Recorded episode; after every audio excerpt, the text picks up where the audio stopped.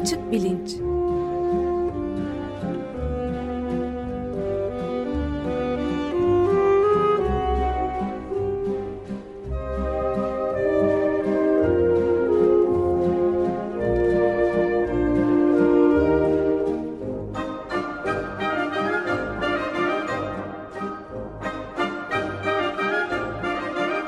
Güven Güzeldere ile bilim ve felsefe sohbetleri.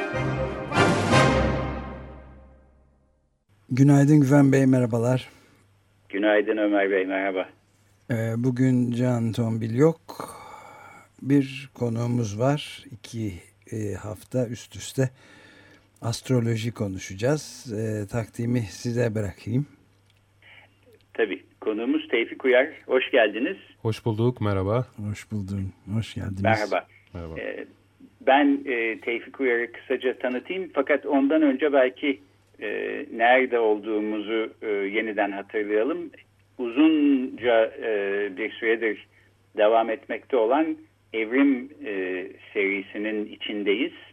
E, gündeme dair tartışmalar söz konusu olduğu zaman e, küçük aralar e, verdik daha önce de. Şimdi de yine e, Evrim serisine iki haftalık bir e, ara verip astrolojiden konuşacağız. E, astroloji konusu gündemde çünkü Türkiye'de Türkçe olarak yazılmış türünün ilk ve tek e, kitabı Astrolojinin Bilimle İmtihanı e, diye bir e, kitap e, yayınlandı e, çok yakın e, zamanda. Yazarı Tevfik Uyar e, kırmayıp e, teşekkür ediyoruz kendisine stüdyoya kadar ben teşekkür geldi. E, Tevfik Uyar e, uçak mühendisliği e, bölümünden mezun İstanbul Teknik Üniversitesi'nden. E, daha sonra yüksek lisans eğitimini İstanbul Kültür Üniversitesi İşletme Yönetiminde yaptıktan sonra şu anda hem sosyoloji bölümünde lisans e, ikinci bir lisans öğrenimine devam ediyor hem de doktora çalışmalarını sürdürüyor. E, Evrim serisi boyunca e, birkaç kez söz ettiğimiz Açık Bilim e, dergisinin e, kurucularından ve yazarlarından aynı zamanda Tevfik Uyar. E, Açık Bilim e, hem de bir radyo programı e, yapmıştı. Onun evet. yapımcılığını ve sunuculuğunu da e, yapmışlığı var. Hem de 45 hafta galiba değil mi? Evet evet 45 hafta. Fena Rüya değil gibi. Açık bilimi ben e, daha önce defalarca e, önerdim e, dinleyenlere. Bunu yeniden tekrarlayayım. E, internet üzerinden kolayca ulaşmak mümkün. E, Tevfik Uyar şu anda profesyonel yaşamını havacılık e, sektöründe sürdürüyor. Kendisi aynı zamanda ödüllü bir bilim kurgu yazarı ve İstanbul Kültür Üniversitesi'nde havacılık, emniyet yönetimi ve insan davranışıyla e, ilgili dersler veriyor. E, Astrolojinin bilimle imtihanı e, Kırmızı Kedi yayınlarından e, yayınlandı. E, şöyle bir astroloji üstüne e, çıkmış e, Türkiye'de e, gerek Türkçe yazılmış gerek e, çeviri kitaplara göz attığım zaman görüyorum ki e, yüzün üstünde kitaba e, ulaşmak, kolayca ulaşmak mümkün. E, fakat tek bir tanesi hariç bunların hepsi e, astrolojiye destek çıkan ya da astrolojiyi kullanarak e, insanlara hayatlarının çeşitli e, yönleri e, konusunda e, önerilerde bulunan kitaplar. E, gerek e, ruhsal gelişim, e, gerek e, borsa ya da e, finansal meseleler, gerek kişisel ilişkiler, e, evlilik, aşk, e, hatta dini inanç, e, İslam ve astroloji diye bir kitap var mesela. E, astrolojinin son derece revaçta olduğunu görmek e, bu kitapların çeşitliliğine bakarak mümkün. E, hemen hemen bütün büyük gazetelerin, e, gazetelerin bir astroloji köşesi var. E, insanlar gün be gün bunları okuyorlar. E, astrolojiye eleştirel bir şekilde yaklaşan pek fazla yayın yok. Yurt dışında yayınlanmış birkaç kitap var.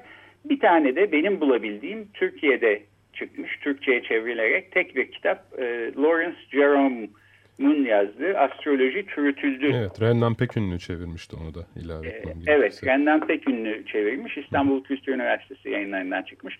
Tevfik sen de bu kitabı bir kaynak olarak e, kullanmışsın Hı -hı. zaten. Evet, evet. bunun dışında başka bir kitap yok. Türkçe yazılmış e, hiçbir e, çalışma kitap yok. E, açık bilimde yayınlanmış bazı yazılar var. E, Tevfik Uyar'ın da e, yazarı oldu.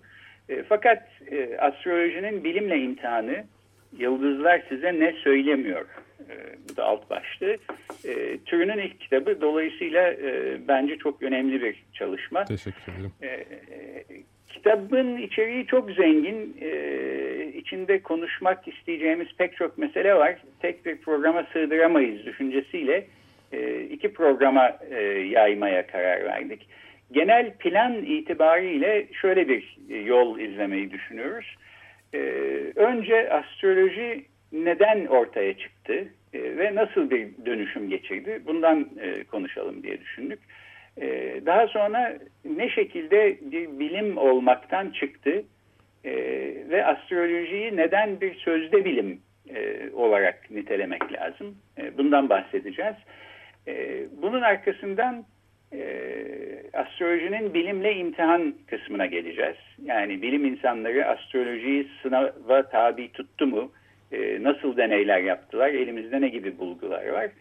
E, son olarak da astrolojiye neden bu kadar yaygın olarak inanıyoruz? Astroloji niye bu kadar revaçta? Bu da işin kısmen psikolojiyle ilgili e, kısmı. E, bundan bahsedeceğiz.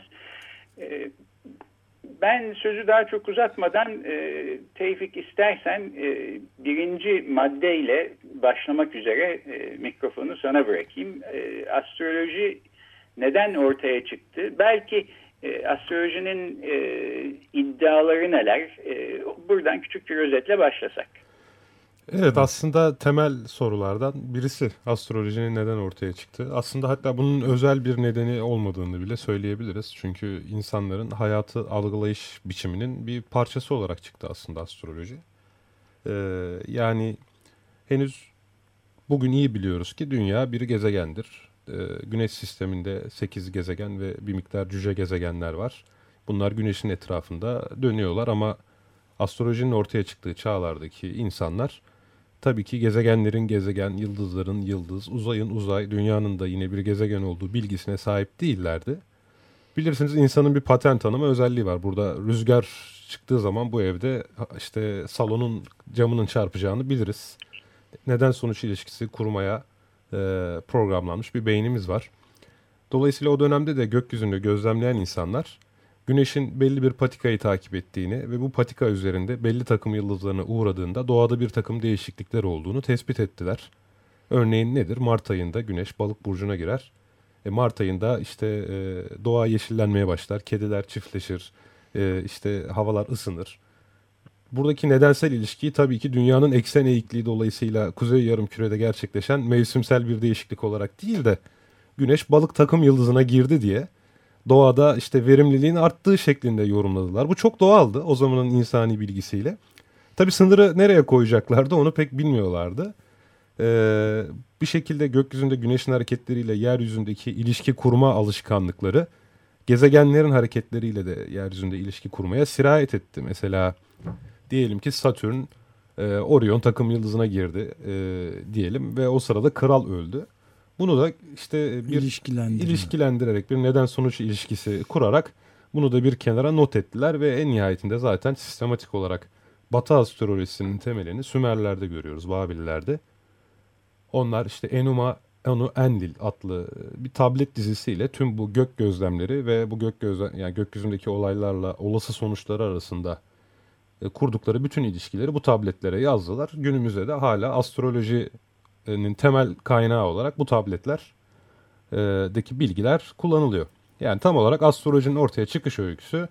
Bakın gökyüzünde bir mesaj var. İşte bu mesajı da biz okuduk. İşte bu böyle olunca şu şöyle oluyor diye kurulmuş. Kimisi doğru, kimisi yanlış. Neden sonuç ilişkileri bütünü. Bu tabletler nerede duruyor?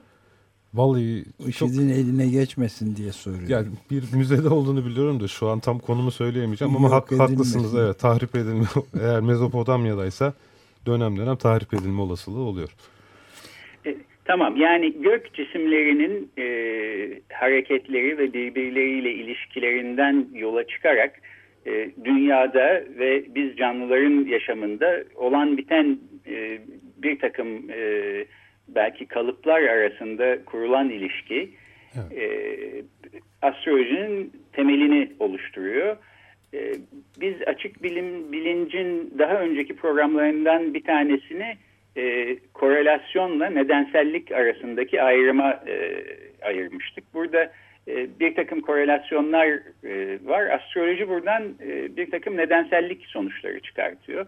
Bazı nedensellik sonuçlarının olduğu açık. Yani e, güneşin ve ayın e, dünyaya e,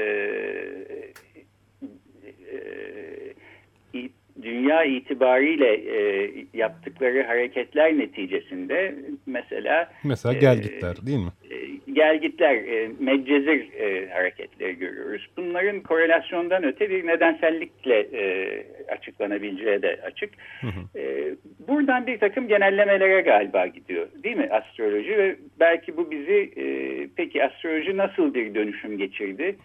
E, 17. 18. yüzyıllarda ne oldu? Bugüne kadar e, nasıl bir e, yol izledi? Belki şimdi biraz da bu soruya bakalım. Evet, şimdi gel git ay ve ayın dönüşüyle ilgili değil mi? Geze, hı hı. Tabii tabii. Yani işte evet. insanın patent tanıma yeteneği bir süre evet. sonra nasıl ki işte bir insanın sinirli olduğunu, bir şeye çok kızdığını öğreniyoruz. Aynı şekilde ayın da hareketlerinin gel git neden olduğunu öğreniyoruz. Evet. Tabii işte burada bir sınır çizme problemi var. Ee, Güven Bey'in de tekrar söylediği gibi genelleştiriyorlar bu gökyüzündeki mesajı. Esasında gökyüzündeki mesajları doğru okuyabilmek o zamanki toplumların e, ne kadar başarı başarılı olduklarını da etkilemiş. Yani sonuç itibariyle gökyüzünü iyi takip ederseniz ne zaman hasat yapmanız gerektiğini, bazı e, av hay hayvanlarının ne zaman sürülerin sizin bölgenizden geçeceğini bunları aynı zamanda bir takvime bağlı olarak iyi takip edebildiğiniz anlamına gelir.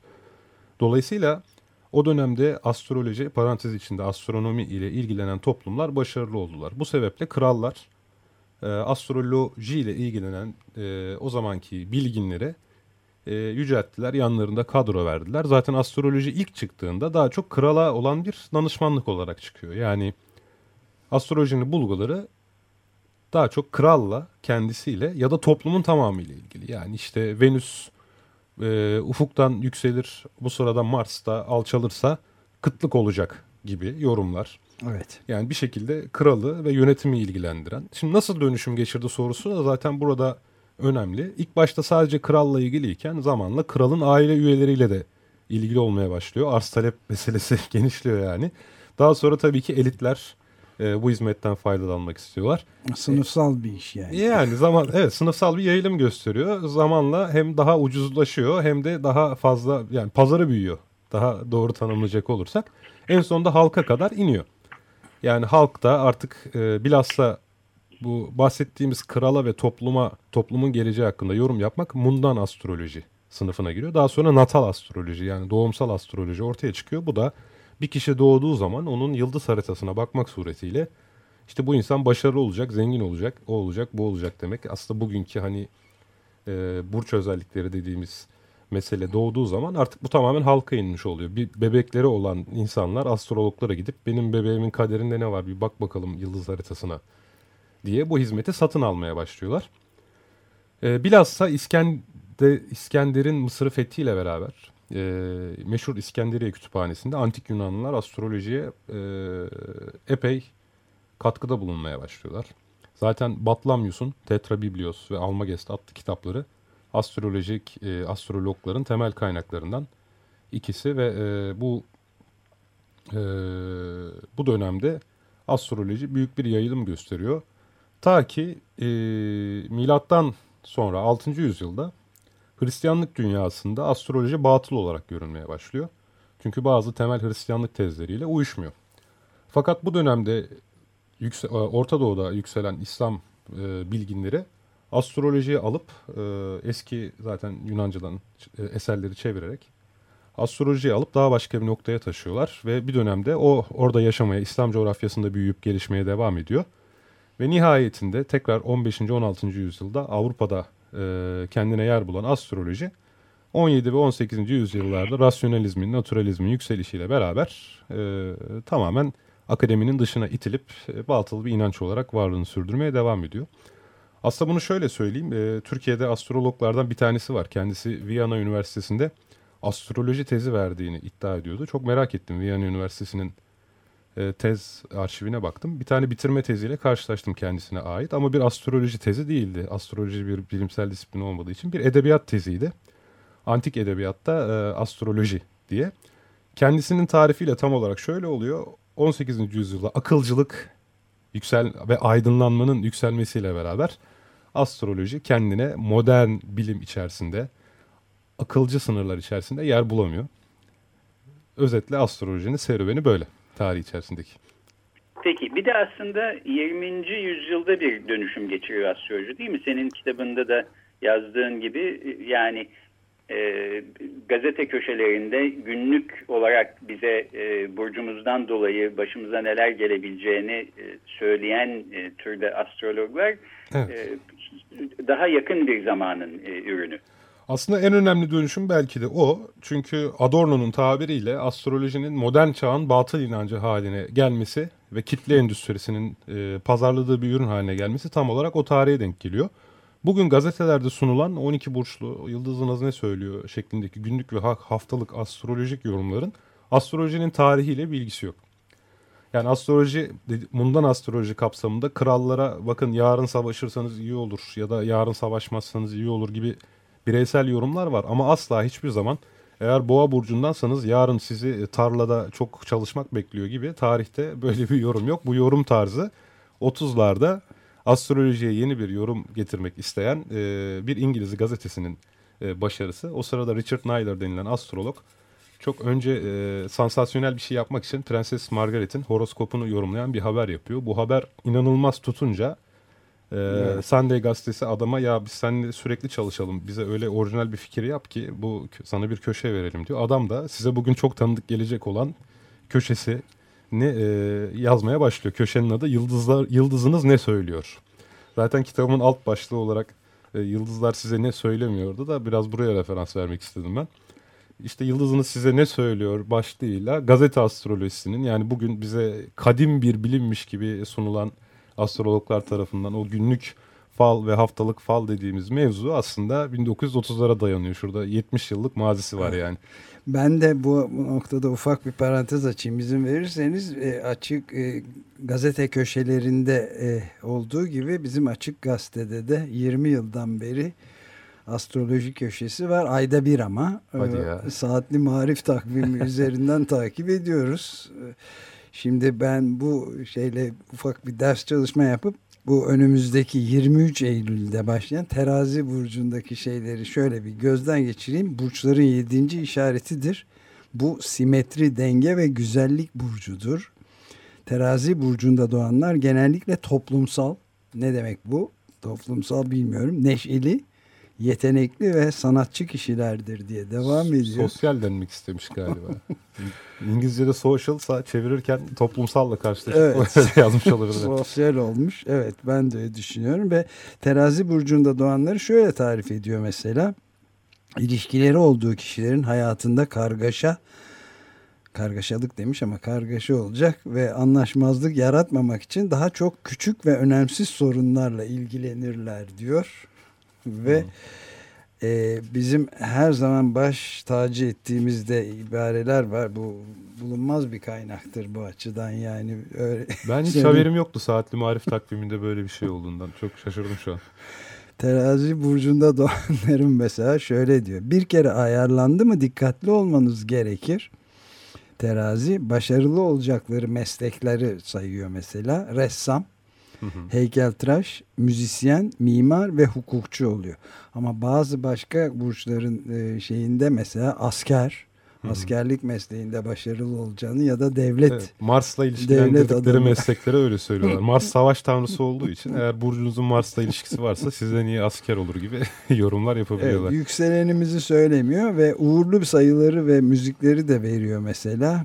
İşte terazi burcu için uğurlu sayı, uğurlu gün cuma, uğurlu sayı 6, uğurlu taş opal, uğurlu renkler var. Açık pembe, açık mavi, türkuaz ve mat. Mat renkler. Bu da bir renk gibi. Uğurlu çiçekler unutma beni. Pembe krizantem ve pembe gül. Uğurlu kokular da gardenya kokusu, yasemin ve orkide olmak üzere devam ediyor. Ve son olarak da e, şey diyor. Özellik üstün yetenek yani burcun türü öncü üstün yetenek dengeli ve ölçülü olmak özellik saygı ve zariflik emelimiz olgunluk ve dostluk ama en önemlisi amaç zengin ve düzenli bir hayat sürmek. Zenginlik de vaat ediyor. Yenmemiz gereken bir huyumuz da var. O da gösterişten kaçınacağız tabii. Peki Ömer Bey uğurlu koku sizce ne demektir? Yani uğurlu koku çok ilginç bir yaklaşım değil mi? Yani uğurlu kokunun insana katkısı nedir? Bir koku nasıl uğur getirir? Hadi uğurlu taşı falan anlıyorum. taşı yanımızda taşırken hani iyi şeylerle karşılaşacağımız Ama burada iyi bir... soruları biz soruyoruz. Siz cevaplayacaksınız. Yok yok merak ettiğim için Güven, Güven Bey'e sorayım. Güven Bey sizce tamam, ne demek uğurlu ben... koku? Aynı şeyi mi anlıyoruz acaba diye. Evet ben bu konularda uzman olduğumdan hemen söyleyeyim. Mesela iş görüşmesine giderken kullanacağınız parfümün hangi koku bazında e, olduğunu böylece seçebilirsiniz. Belki evet, böyle bir mesela, şey evet. Peki, peki bir şey daha sorayım mı? Ben astroloji madem bu kadar evrensel niçin uğurlu koku dediğimiz şeyler sadece insanın burnuna hoş gelen kokular mesela. bir tane sinek türü var lağım kokusundan hoşlanıyor. Mesela bu da uğurlu bir koku olabilirdi esasında. Niçin olmamış acaba? Astroloji bu, gibi evrensel bir şey. Niçin, niçin sadece bu kadar insanla ilgili? Programcılarımızdan Vedat Ozan'a sormamız lazım. Koku üzerine bu Açık Radyo'da yaptığı programlardan devasa dört ciltlik bir eser yaratmaya ya. girişti. Birinci evet. cildini yayınladı. Vay. Harika, ilginç bir kitap. Burada onun da reklamını yapalım. Bir de son olarak şeyi söyleyeyim. Saatli Marif takviminin verdiği burç şeylerinde uğurlu müzikler arasında hafif batı müziği de geçiyor. Ya da marşlar. Sümerliler de çok severlermiş. Hafif batı müziğini ondan olsa gerek. Hadi bakalım. Şimdi aslında astrolojinin bilimle imtihan kısmını tartışırken e, Tevfik'in de yaptığı ve kitabında da yer verdiği bir e, testten e, bahsedeceğiz. Belki e, astrolojinin bulguları konusunda insanı e, şüpheye sevk etmek konusunda e, en etkili yöntemlerden bir tanesinin bu tür şeyler olduğunu düşünüyorum. Fakat ondan önce ben de e, görebildiğim kadarıyla e, astrologların ya da astrolojinin yaptığı üç, üç farklı iddia varmış gibi e, geliyor bana. Bir tanesi bu saatli marif takviminde olan tür iddialar. Yani e, bir insan doğduğu zaman e, bazı gök cisimlerinin birbirleriyle ilişkileri ve hareketleri bazında e, bu insanın sahip olacağı e, kişilik özellikleriyle ilgili bir kategorizasyondan bahsediyoruz. E, zarif bir insan, e, hukuk e, okumaya e, eğilimli e, ama gösterişten hoşlanıyor filan gibi özelliklerden bahsediyoruz. Burada tabii e, yani 12 burç e, yaklaşık e, burç başına e, herhalde 500 milyon insan filan e, ediyor. Müthiş bir kategorizasyon e, söz konusu. 500 milyon e, insanın e, hepsinin ortak olarak e, sahip olduğu bir takım özellikler olduğuna inanmamız lazım. Bu iddialardan bir tanesi kişilikle ilgili bir kategorizasyon.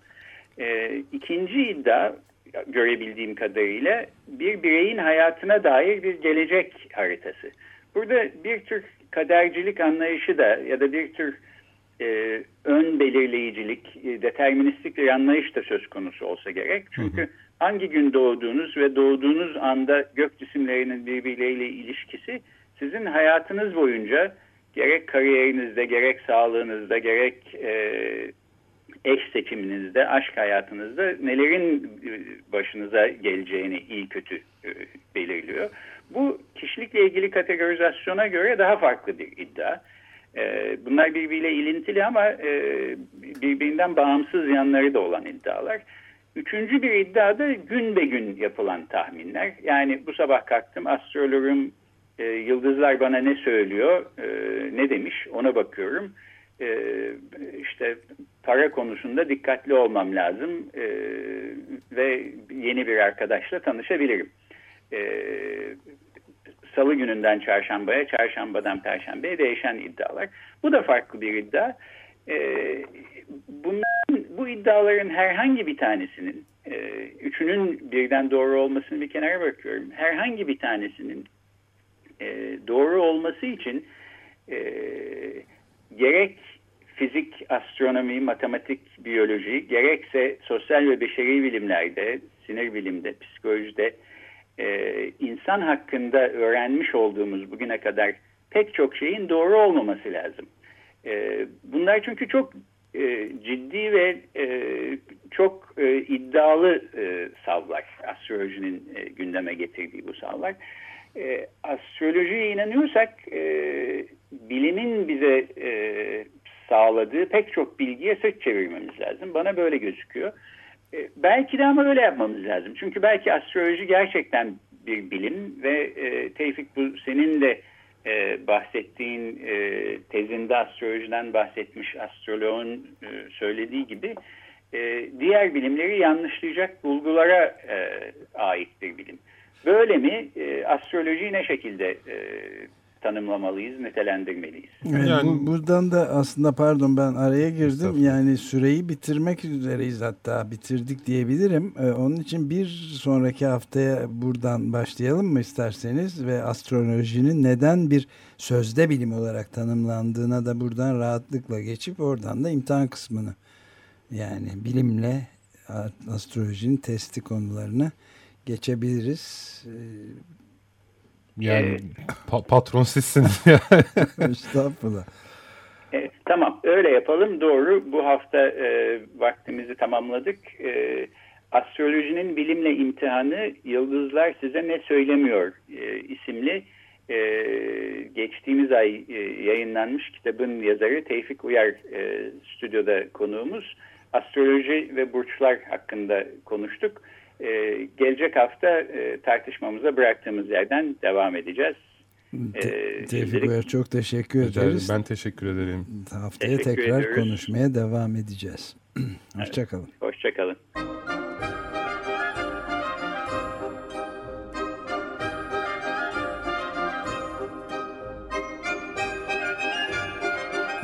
Açık Bilinç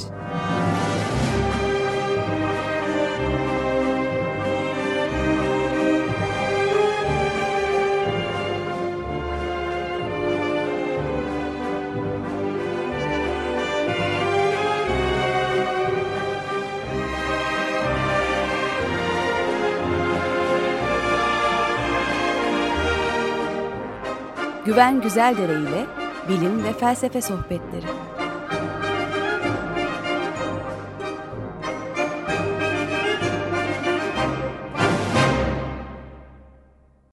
Açık Radyo program destekçisi olun.